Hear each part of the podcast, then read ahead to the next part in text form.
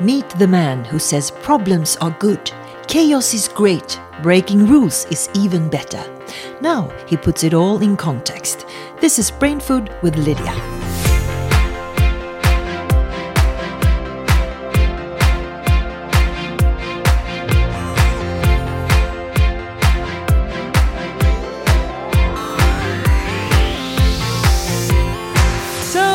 Is time for Brain Food with Lydia, who brings you Dietmar Dahmen all the way from Vienna. How are you? Hi. I'm super happy and very excited to be talking to people in the Nordics. In Vienna, it's currently very hot and very, very warm. And I'm longing and hoping that the cool winds and freshness of the Nordics will hit Vienna soon. So, how are things anyway in, in, in your part of the region, of the world, I mean? Um, if, if you're thinking about my job, which is giving keynotes and inspiring people and stuff like that, we are pr- still relatively slow. It's slightly picking up, but if uh, you compare this, for instance, to the US, I'm doing a lot more in the US currently. So the US is definitely ahead of us. Asia is ahead of us. We're lagging a little bit behind. We're ca- but we're catching up strong. So mm. I think it's going to be fine. Why do you think? Why why is that? Why are we a little bit slow? I think there's uh, a obviously uh, organizational issues, getting the vaccine, getting people vaccinated, and stuff like that. And then there's also an emotional issue, and I think the emotional issue is maybe that we're a little bit operating on the safe side all the time and not daring as much, not ready to take a risk. And this is both true in business and obviously for conferences and stuff like that as well. Mm. So uh, I see that the US is actually uh, a lot more daring or ready to uh, incorporate things like masks and stuff like that into a real life event just in order to reach people and give them the best experience they can. Mm-hmm. And I think we can kind of learn from that, be a little bit more daring. Safety is good, but you know, if you're too safe, the fun is gone. this is so typical you, Dietmar. Uh, we've actually met before. I mean, the audience doesn't know that, but we know that. I think I think it was five years ago, and boy, times were a bit different then.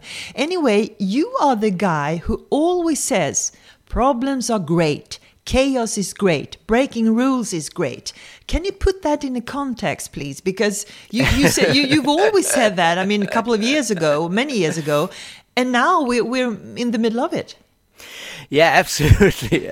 um, if you think about rules, um, there's a certain set in which rules apply. If you play chess, the rules apply to the chessboard.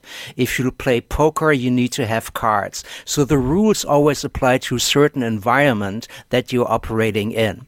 But the problem is that the environment is changing. You know, if you look at Corona and COVID-19, the environment completely changed. So all the old rules were wrong. We played a completely different game. So if you stuck to the old rule, let's say of working in an office, uh, you couldn't because that was illegal. You couldn't do that anymore. So you had to change the old rule and say, yeah, everybody can work from home. This is much more efficient. From now on, we don't eat at a restaurant. We have the restaurant deliver things. Mm. So the rule are based on the environment. And that is a huge challenge for us because often we hate problems. We say, no, we like everything static and we want it to be the same over and over and over again because we are really good at repeating certain certain things. We drive to work automatically. You know, we don't even pay attention to traffic signs and stuff. We just automatically drive, and all of a sudden we say, Whoa, how come I'm here? So a lot of our actions is automated. A lot of our actions is intuitive. And the only thing to break this comfort of intuitive action that is cozy and gets cozy result is if you add a problem. All of a sudden you have to think new and all of a sudden you have to redefine yourself and you have to redefine your actions. And that's why I think that problems are really, really, really good. There's a, there's a funny example. If you think about uh, our son just went to school and uh, they played basketball. Yeah. And uh, if you play basketball in the beginning when you're small, that school they actually lowered the basketball hoop. And once you achieve to throw the ball into that level, then they uh, make the hoop higher. So they add another problem. Now it's higher. And they keep adding problems and problems and problems. And if you're really a basketball player, it's not just that the hoop is high. There's even an entire team trying to stop you to put the ball into the hoop. Exactly if the game were to just put the ball into a really low hanging hoop without anybody trying to keep you from doing that, that would be a really, really boring sport. Mm-hmm. So adding complications makes the sports fun. So mm-hmm. I, I think problems are really great. Yeah. But would you say without problems and obstacles, we're dead? Kind of, yes, because if you just repeat yourself and there's no ups and down, we always talk about the learning curve. The learning curve is that you, you achieve something and then, ah, you you know, you, you, you, you fuck up more or less yeah, again. Yeah, yeah. And then you achieve something and boom, it goes down again. And this is what your heartbeat is. Your heartbeat goes beep, beep, beep, it goes up and down. If your heartbeat is beep, you're dead. Thank you for the information, Dietmar. Um, I, I, I, mean, so avo- avoid beep. yes, and you have also other um, so-called of mantras, which is uh, maximize your banks, find your walls, expand your team, be cool and lovable, don't follow trends, set them. I mean, uh, honestly, Dietmar, I, I love these uh, uh, these words, but to many these phrases can seem um, empty because this is what everyone wants. Big companies down to individuals. I mean, we want to be cool and lovable, but how can you do this? for real because uh, it's natural for every person or every human being you always find an obstacle for doing things. So uh, find your walls and all that. Can you put this in a context? Oh yeah sure. Um, uh, if you look at uh, the, the, the regular organization of a company and regular management, you know that you're about to uh, set certain goals. You know, we have to break through the goal uh, through the wall of producing 1,000 units, and we now have to produce 2,000 units. Those are walls that you break through. But the problem here is that to a lot of people, those walls are just facts. They are not emotionally internalized. They are just something that the company, the head of the company says. To me, a goal is, for instance, to do sports every day and not to eat chocolate. and I know I should do that, but do I really do it? Probably not, because my emotions still rule. So at one point, there's this little emotional doubt person in your head that says, yeah, they mean the others. The others should do it. I don't have to do it. All the other companies and the other departments and the other divisions have to be more digital. But for my life, it doesn't matter. And this is an emotional problem. This is not a rational problem. So the trick in my point of view is that you make people see the emotional need and the emotional reward to, for instance, break through a wall and celebrate it with them and say, yeah, you achieved this. And this can be done by really, really small steps. There's an amazing amazing benefit and happiness in small steps. Like many people, probably uh, right now, I'm just starting to go back to the gym and I got really, really weak during the month of not going. And now I just, I, and I train, I have to say, a lot of people say you should train outside of comfort zone all. I all I do is I expand my comfort zone. Mm. So at first I can lift a certain weight, say eight times and then I can lift it 10 times. I expanded the comfort zone. And then I can lift it 12 times and 15 times, and then I up the weight. So that means that I always practice in my comfort zone. I don't smash through the wall. I more or less just hammer on it, boom, boom, boom, boom, boom, boom, boom, uh-huh. and then I achieve more. And when I achieve more, I'm totally happy and I love it. And the wall is more or less, with many, many things, gone forever. When you were a baby, you couldn't walk, right? You were crawling. And there was a wall to make you there, there was a wall that blocked you from being able to walk. True. And then you tried and tried and you fell down over and over again and you said, I will walk one day just like my sister and I will get the chocolate and I will be able to reach the table. And you worked on it and you reached it. And now it's totally normal for you that you can walk. It's normal that you can ride a bike. That was not easy. It's normal that you can drive a car, speak a language, language, know what five times six is and stuff like that. But we heard, we had to learn it. And all those achievements were behind a wall and you break, you, you achieve to break through all of those walls. And I think you can do that in business as well. Mm. Just don't look at the big achievement. Oh my God, I have to learn English. Look at, oh, I just learned one word, cat and yeah. that's enough for the day. that's enough for the day. But uh, I, I, get that to find, find to to um, break your walls, but it's also a, a, a, journey to find your walls. I mean, people, companies don't even know what the walls are. So that's another it, yeah. Uh, yeah challenge. Yeah, yeah, this is very very true, and uh, a lot of people is uh, a, a lot of times people accept a certain problem as a given. Uh. One of my favorite examples, because I'm really traveling a lot, is uh, luggage. So uh, we've been traveling for, I don't know, thousands of years, and we always had to carry luggage. And I remember when I traveled when I was a kid and I had to carry my backpack or I had to carry a suitcase and I saw other people carrying the suitcases. We go like, shit, this is really annoying, but hey, there's nothing you can do.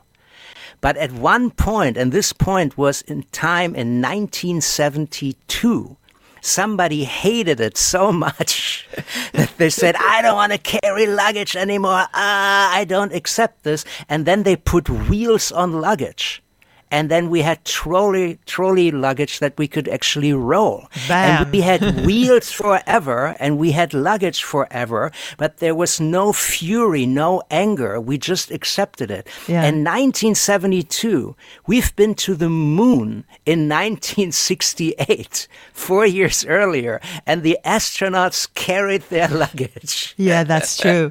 that is so true. Uh, uh, and, and, and uh, little things like that made such such a huge difference. But but um, um, that was kind of a wall that you could discover more or less one day. But what about those imaginable walls? How can you inspire yourself to think out of the oh, I don't even want to say think out of the box, but because that's so so 80s when you thought about that, said that. Uh, um, have you other sort of concrete um, mm, uh, inspirational tips how you can uh, um, expand yourself? Yeah, I, I, think the, the most important thing is really what I call finding the wall. And finding the wall is something that annoys you or annoys other people. And if you look at a lot of startups, you were saying it really changes the world. You know, Uber, I think the guy couldn't get a taxi and it was raining. And he hated it so much he came up with Uber. Dropbox, I think the guy left his uh, computer at home and said, why don't I have the information with me? So what they did is they found a wall, something that they hated hated, and then they acted on it. And I think there's a lot of walls that we actually notice, but we don't act on them. For instance, I also moved a lot. I lived in many, many countries. And uh, before Google View was invented, I definitely had it in my head because I said, why do I have to look at the apartment in a foreign city by going there? Why can't I just look at the street, see how it looks like, look at the neighborhood, and then I might already know if I might want to potentially look at the apartment or not, if it's actually nice or not. Today, this is a standard, but back then, this was a wall. And what do I did I do? Nothing. I had the like idea. yeah, I had the idea that would be great, and I did not act on it. Can I now go to Google and say, "Hey, Google Street View is my idea"? No. mm. so the idea isn't worth anything. The only thing that's worth something is if you act on it. No matter if this stems from an observation or from an intellectual gameplay or an imaginary wall. It doesn't matter how you get the idea. The most important thing is to act on it. In my point of view, and I advise some startups and stuff like that, I often say the idea, the value of the idea is nothing but the value of then making it come true and working with it and finding customers who like it and join in and actually buy it, that is unbelievably high. So if you're a unicorn and your worth is one billion dollars, it's not that the idea is worth a billion, uh, worth a billion dollars. I think what's worth a billion dollars is that you have people who share the same problem and love your solution. Well put. Well put. Um, uh, you are a very visional speaker. Uh, I hope people will see you one day when you speak. Um, uh, you use a lot of comic books uh, illustrations, uh, probably Yeah, because you started off in the market business. Wh- why did you leave the business? I mean, you're you're in and out in a way, but but but you you actually made a, a decision to leave it. Yeah, I was in marketing and advertising globally for many, many years and, and, and finally in very high position, like being the executive creative director and managing uh, director of BBDO for a couple of countries and stuff like that. And that was good, but uh, you all of a sudden notice that you move much more into administration and less into doing things and that you are a lot more removed from the actual customers, from the actual stuff that's going on. And I wanted to be on the front line. I wanted to be heavily involved. And um, if you're a keynote speaker and a coach, you are heavily involved, and I love that. And you can really see the results of making people think bigger and dare more, and that's what I completely enjoy. So uh, it was a decision to get energy where it should be. The problem, however, is that uh, in order to do the new, in order for me to become a professional keynote speaker and inspirator and whatever I am, uh, you had to give up the old. So I had to quit my old job. And that is very often extremely difficult unless you are forced to do this. I wasn't forced to do this, I just did it. And uh, this is really hard. And that's why, for instance, as you said, I like comics and I like movies and stuff. And um, if you look at the Avengers, like Iron Man, uh, Thor, and Captain America, and all those things, they were all killed in the last movie. Yeah, that's true. That's This true. is My an God. amazingly courageous move by Marvel to secure the future. They said, we have to get rid of Iron Man and create a new Iron Man, which they definitely will, in Yeah. order to be ready for the future. And I have to ask, how many companies are ready to kill their most valuable asset? That was the highest grossing film of all times for a while. How many people are ready to kill their most valuable assets if they do not have to do it in order to move on? If you look at the car industry, they have to kill all the expertise on combustion engines because they are forced to do it. But Marvel wasn't forced to do it. So I think this was a very, very bold move. So the insight is that in order to do the new, you have to kill the old or, or get rid of the old or actually yeah, it, depends on how courageous you are. But uh, don't say goodbye to the old and embrace the new. And maybe even super radically, like uh, you know what Marvel did. Um, uh, mediocrity is also a topic I, I love to discuss.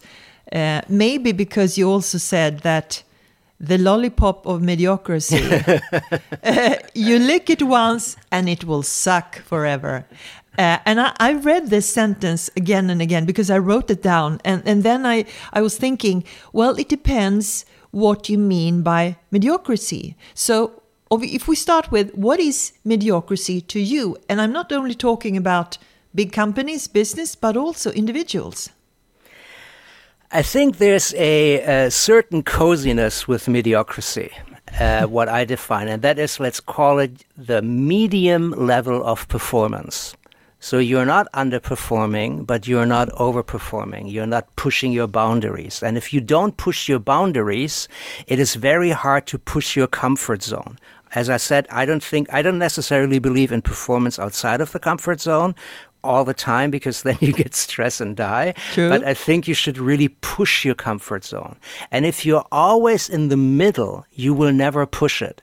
That's really, really not a good thing. So in order to grow, grow emotionally, grow as a person, grow as a company, or grow your business, you always have to lean towards growth, not towards the middle. If you think about walking, let's say I'm in front of my coffee machine and I want to make a coffee, and I'm standing two meters away from my coffee machine and I don't move, then I will never reach the coffee machine. If I go back, if I go towards the fridge, and all of a sudden I'm three meters away from my coffee machine, it makes it even harder to get a coffee. So the trick is to, to move towards your goal and to move towards the coffee machine. And, uh, if you then actually reach the coffee, that's a really great thing. You uh, you, ha- you achieved your goal, but you have to move towards it. And mediocrity, being always in the middle where you don't do anything, will not get you there. Mm. I know it's comfortable, and sometimes you need to take a rest, but your final goal should definitely be to get the coffee if you want the coffee, and you have to move towards it. So that's a, a very low hanging fruit to get a coffee. We do that every morning and we know how to achieve that. And I question myself if you know how to achieve that you get a coffee, why don't you know how to achieve how to be CO2 neutral? We know exactly what you need to do. You need to get rid of certain things and embrace other things. You should choose a vegetarian burger instead of a meat based burger and stuff like that. And this is always one step either in the right direction or in the wrong direction or no step at all. Mm. And what I hang on, there's there's a very simple uh, actual actual thing that you can do, and that is that. Let's say you want to be, uh, I don't know, let's say more sustainable. What you do is, as a manager or as a person, you make yourself a line, and in the middle is the mediocrity, zero. And if you do something really good, that's on the right side, let's say plus 10. And if you do something really bad, it's on the left side and you say minus 10. So you have a scale from minus 10 via 0 to plus 10. And every single day, when you go to bed, without thinking a lot, just mark where you think you are what you did today. Did you do something to actually move towards sustainability, like you didn't order a plastic uh, straw or something?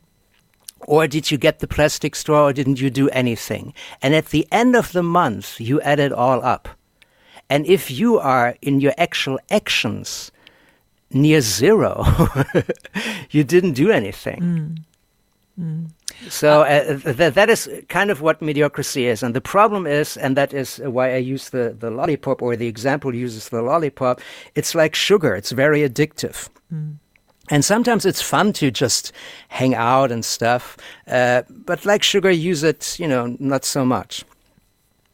Uh, when I uh, when I listen to you, I, I'm thinking about my own actions, of course. The other day, I went, uh, I used my car to, to run an errand outside town. I live in the city of Stockholm. And uh, honestly, there were days that I was, I was thinking, hmm, Corona made it more easier to, to walk and to uh, uh, occasionally use the car, etc., because there were less traffic. And, and nowadays, everything is like before. I mean, there's, there are traffic jams, there are a lot of uh, things going on that wasn't good before. Uh, are we back to mediocrity? Uh, would you say? I mean, you you travel the world, you have contact, where you have a network mm-hmm. uh, globally. Uh, have we actually learned anything?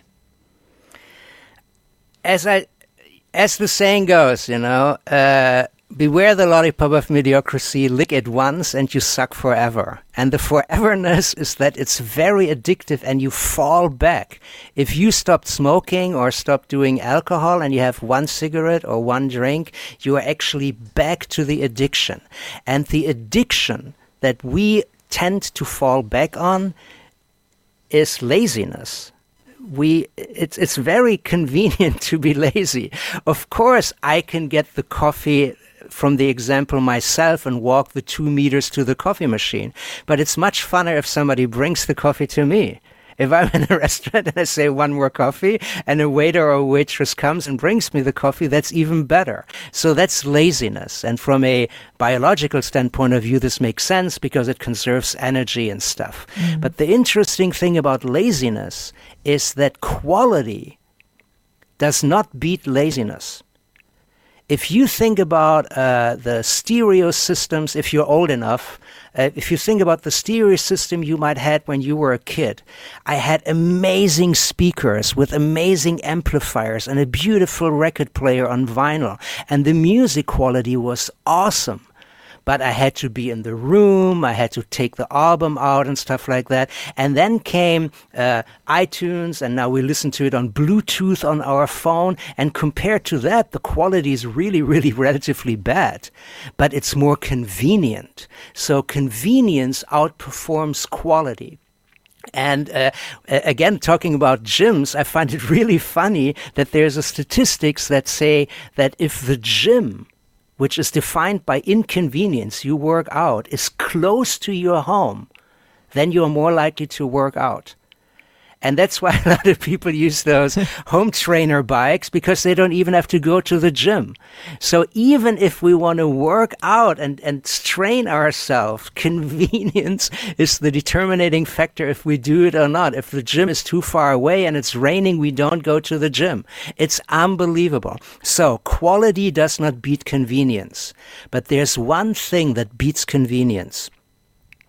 And this one thing is experience if you create an amazing experience, like, you know, you see the ocean, then you're ready to actually travel to a place where you can see the ocean. Or if you want to dive and see the fish and snorkel, then you're ready to not just look at it in uh, like 3D glasses with Oculus Rift or something in virtual reality, but to actually go into the ocean. So experience kills laziness.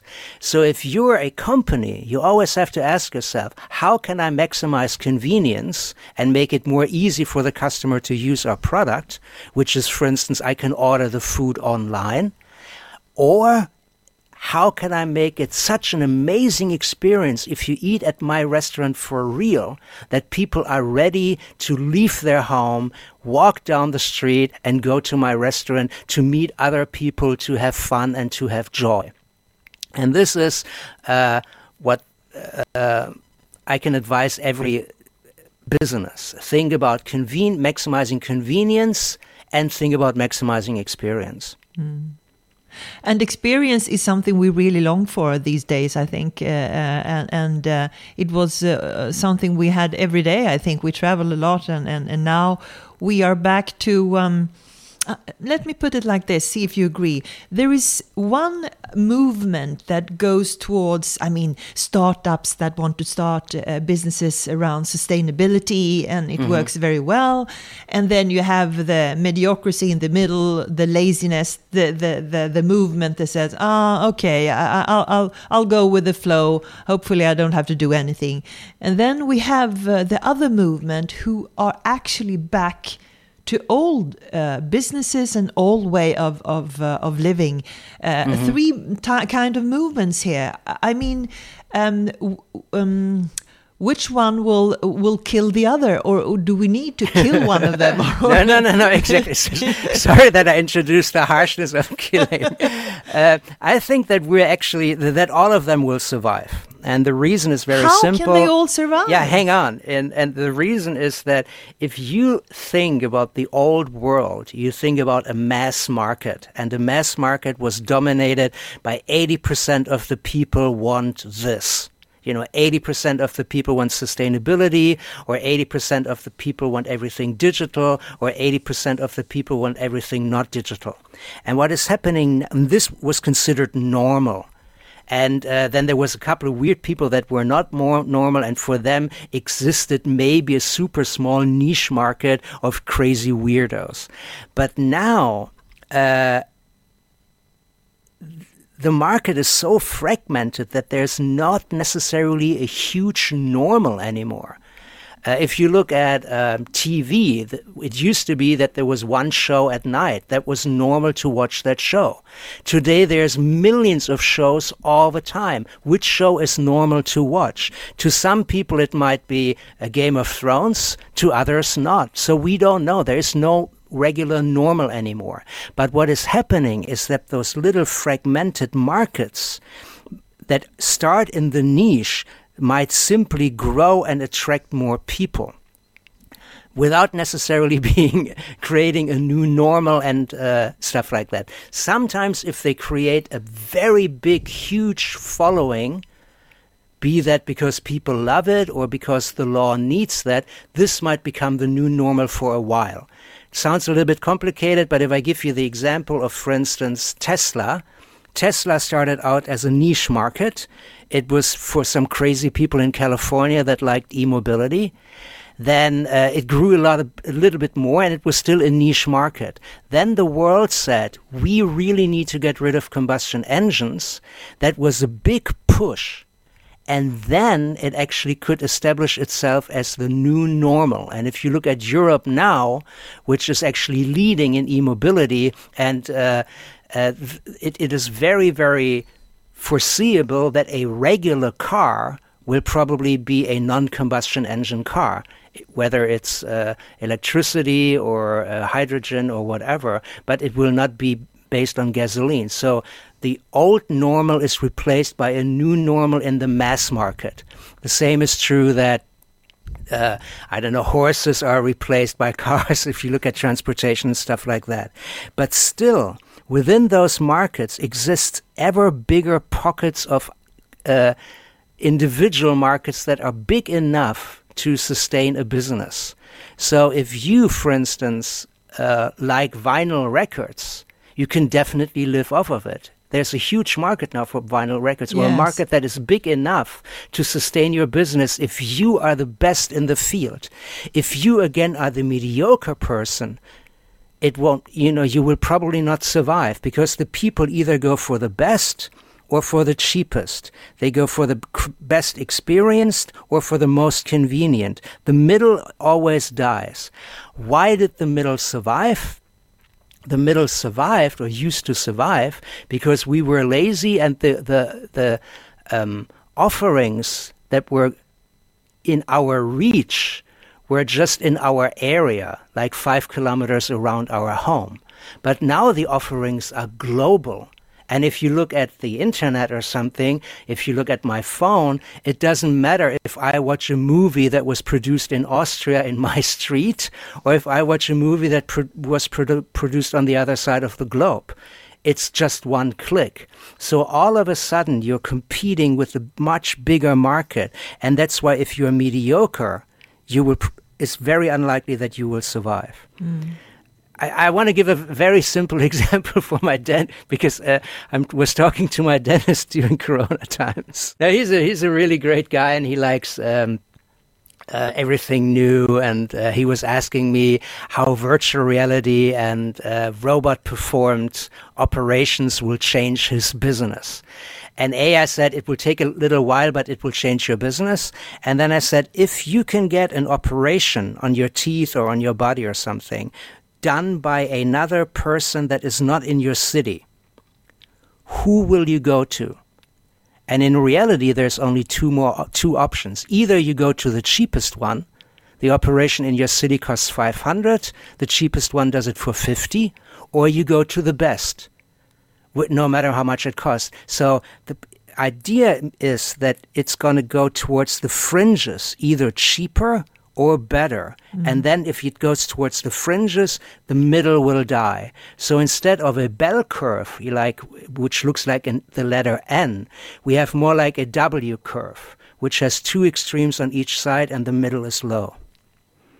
So that was your, uh, of course, again, brilliant answer to the three movements from chaos to creativity. Ah, yeah. Uh, yeah, from chaos to creativity. And, uh, first of all, this is uh, uh, still a kind of chaos we are living in. Yes, yes. What is next? That's a very good question. And let me uh, again give a little example. I think that a lot of people stayed home during Corona and played with their kids. We did, right? And if, depending on the age of your kids, but if the, your kids are uh, the age of our kids, you play with Legos. And how do you play with Legos? If you are our kid, you take the drawer where the Legos are in or the box and pour it all out on the floor. And you have total chaos. The entire kids' room is just filled with Legos and there are Legos everywhere. And at this moment in time, where there's no structure and just chaos, everything that you build has the same likelihood. If you look at those Legos on the floor, you don't know will the kid build a house, a rocket, a giraffe, or a, uh, whatever. We don't know. And I call this moment quantum creativity. Everything has the same likelihood. And then at one point, you decide on what you want to build. And then you say you build a spaceship. And then, ah, it's going to be a spaceship. And the more you build on the spaceship, the more likely it's going to be a spaceship, and the less likely is that it's going to be a house or a giraffe. And when the spaceship is done, this is what I call binary creativity, not quantum creativity, but binary. Is this a spaceship? Yes or no? Is it good? Yes or no? So we moved from a quantum stage where everything is possible to a binary stage. It either is right or it is wrong. And the trick comes now. If you want to build the, the, a house out of the spaceship with the Legos, you have to take the spaceship apart. Mm. You have to move it back to chaos. And then you can build anything again and start fresh. And if you just keep a lot of the stones still on the spaceship and try to make a house out of it, it will be a shitty house. So that means that for your business, if you want to keep a lot of the stones on your business intact and then create something that is very different, it will be not never as good as a startup who starts from scratch and builds something completely new out of total chaos. So, what I mean by this is that if there's times of chaos where no stone stays on the other, we can create a completely new future. And it's only limited by our imagination. Once we start building it, it's also limited by our expertise. Are we good builders? Are we bad builders? And stuff like that. So embrace the chaos. And if you try something new, try something new from scratch even if it's a very, very small thing. If you again look at the car industry, the car industry, when they moved from combustion engines to electro engines, they did not try to form the combustion engine into an electro engine. They started from scratch, but in a very small division, somewhere in the fringes, in the basement where stuff can happen, not in the center of the company. And then they improved and improved and tried and tested and failed and improved again until they were happy they could achieve it. So if if you want the new, you kind of have to get rid of the old. Mm. And chaos is a brilliant uh, state to be in where everything is possible. Quantum creativity is really great. You just have to move at one point from quantum to binary because otherwise you never uh, build anything. Mm. Suddenly, I have a new perspective on my teenager's room uh, uh, because uh, this is also very interesting. Is order something that is used by uh, the mediocrity, or is chaos something something that is always connected to creativity? I think that what structure and order does is it makes choices more efficient. If you have your room clean and you want to find a sock, it is very easy for you to find a sock, so it's more efficient. But efficiency also limits yourself because all the other things compared to efficiency are inefficient. So if you want to wear a green sock and a blue sock and all are in perfect order, you have to open two bundles of socks in order to match the colors. Yes. So it limits creativity. Whereas uh, if you just if if you really want to efficiently wear a thing that is predefined, like matching socks, it's better to have structure.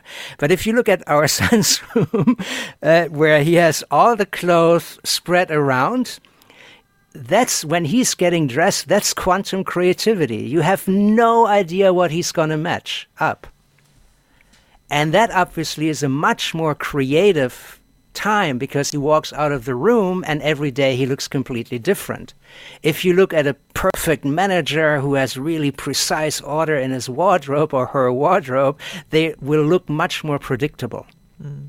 So, in other words, uh, don't be afraid of chaos embrace, it embrace it embrace yeah. it and you get quantum creativity Yeah, so is that your medicine? That, yeah, yeah, definitely. And I think the thing is that obviously it has to be goal driven, right? But is your goal in life to always just be predictable and functional, functioning, or is your goal as a human to have fun and to uh, be creative? And this is uh, um, what when you, when you were addressing in the beginning the word cool. Uh, customer oriented and open to the new and, and, and lo- lovable. This is uh, actually from, from an example that I use for artificial intelligence. And the example is a, uh, a Swiss example how uh, they use artificial intelligence in an experiment to run a restaurant in the mountains. And what the artificial intelligence does is it looks at the weather, you know, so it looks at the weather data and says, oh, tomorrow is going to be a sunny day. Then from the weather data, it predicts how many people will come. On a sunny day, 200 people will come. Then it predicts where those people will be. They will be on the terrace, not in the restaurant. It's a sunny day. Then it calculates how many staff they need. We need more waiters and waitresses because they have to bring the food out on the terrace. And then it organizes the staff. So it sends them a WhatsApp message. Do you have time? Yes, you have time. Perfect. Okay. I have enough staff. And then it even calculates from back data what people are likely to drink and make sure that those drinks exist. Do we have enough caipirinhas? Do we have enough uh, beer or, or uh, soda water and stuff like that? So the artificial intelligence does everything that is smart. And smart in this case means specific, measurable, achievable, realistic, and time based. All the functionality is done by the artificial intelligence. And if the artificial intelligence does all the functionality, what does the owner do? Good question. Yeah, and the owner creates fun and joy. Yeah. We don't go to a restaurant because it functions. We go there because it's fun to go there. So the uh, the owner does everything what I call cool. The owner is customer oriented, open to the new, lovable. The owner does loving and belonging and hey, come on, everybody sing that that that that that. And the owner knows all the functional stuff will be done by the artificial intelligence. So as a human, you will never be able to outsmart a machine or an artificial intelligence, but you can outcool them. Mm. You can be much cooler than the machine. And this is what people want. People, if you look, where would you like to work? Would you like to work at a smart uh, company that is specific, measurable, achievable, realistic, or at a cool company that's just fun. And if, if you've ever been to, like I've been a couple of times to Google in Switzerland and they have hammocks in the office. That's completely not functional to work in a hammock. You fall down, your computer crashes on the floor, but it's cool, it's fun. So, uh, don't overemphasize structure and order and precision. I think those are really great values to have, especially if you're a, a European country and a Nordic country and stuff. Those are very, very core values, but emphasize also or embrace also coolness and creativity and chaos and be open to things.